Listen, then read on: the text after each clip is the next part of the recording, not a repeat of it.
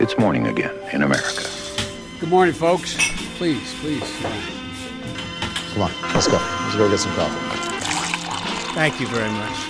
Det er mandag 4. mai. Senatet vender tilbake i dag, og morgenkaffen er servert.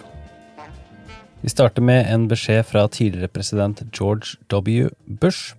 Og tonene i en video som ble publisert i helgen, som nå er sett nesten seks millioner ganger, er en noe annen enn den som forbindes med partifellen Donald Trumps håndtering av koronakrisen i USA.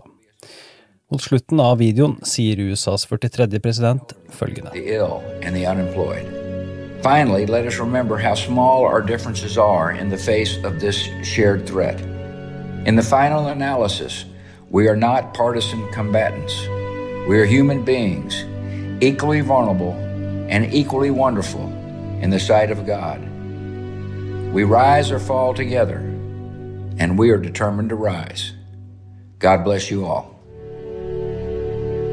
Dagens første sak. Senatet vender tilbake. Senatet skal etter planen samles igjen på Capitol Hill i dag, etter langvarig koronafravær.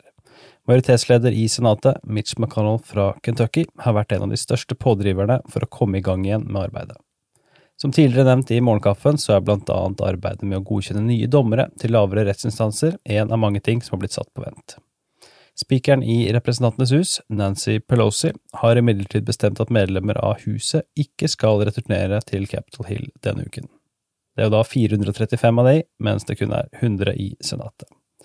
Begrenset testkapasitet har tidligere vært et av argumentene mot at Kongressen skal samles igjen, og med dagens testkapasitet så vil kun de som har symptomer bli testet. Da dette ble kjent, så tilbød da Trump-administrasjonen, med helseminister Alex Azar, å muliggjøre flere tester og maskiner som kan gi raske prøvesvar. Dette tilbudet ble imidlertid avslått av McConnell og Pelosi. I en felles uttalelse så presiserte de at man burde fokusere ressursene der testbehovene er størst, og på de som trenger det mest. Dette er jo åpenbart da et politisk trekk. Man er redd for at det skal se ut som at de får forskjellsbehandling framfor amerikanere som virkelig trenger det. Og Trump eh, gikk da altså til angrep. Han siterte en tweet fra McConnell, men gikk til angrep på Crazy Nancy, som han sa det på Twitter. Dagens andre sak. Mens eh, flere delstater gradvis har begynt å åpne opp igjen, så har andre blitt preget av demonstrasjoner mot at ting ikke åpnes igjen fort nok, slik som i Michigan. Det rapporteres samtidig om at et rekordhøyt antall mennesker mistet livet av covid-19 før helgen.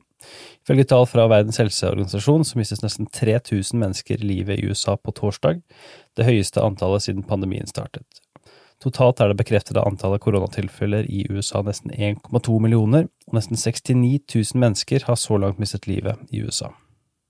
På tross av demonstrasjoner så lovte i går Michigan-guvernør Gretchen Whitmer, demokrat som anses som en potensiell visepresidentkandidat for Joe Biden, noe vi skal snakke mer om i ukas 2020, hun lovte at hun vil fortsette å lytte til helseekspertene i sin håndtering av krisen.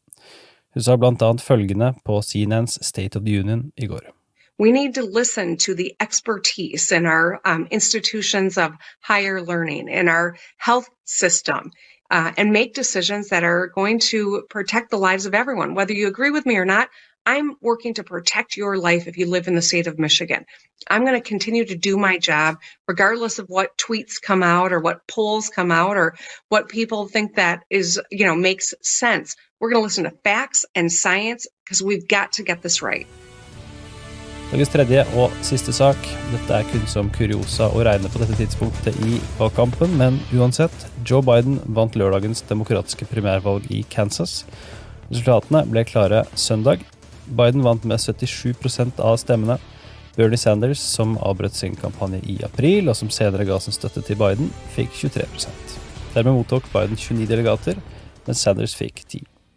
Dagens utgave av Morgenkaffen er servert av Vilde Ørnung og undertegnede Are Togoflaten. Du leser mer på amerikanskpolitikk.no. Du abonnerer ved å gå til ampol.no kaffen. Dersom du ønsker å støtte oss, så tar du turen til patreon.com ampol.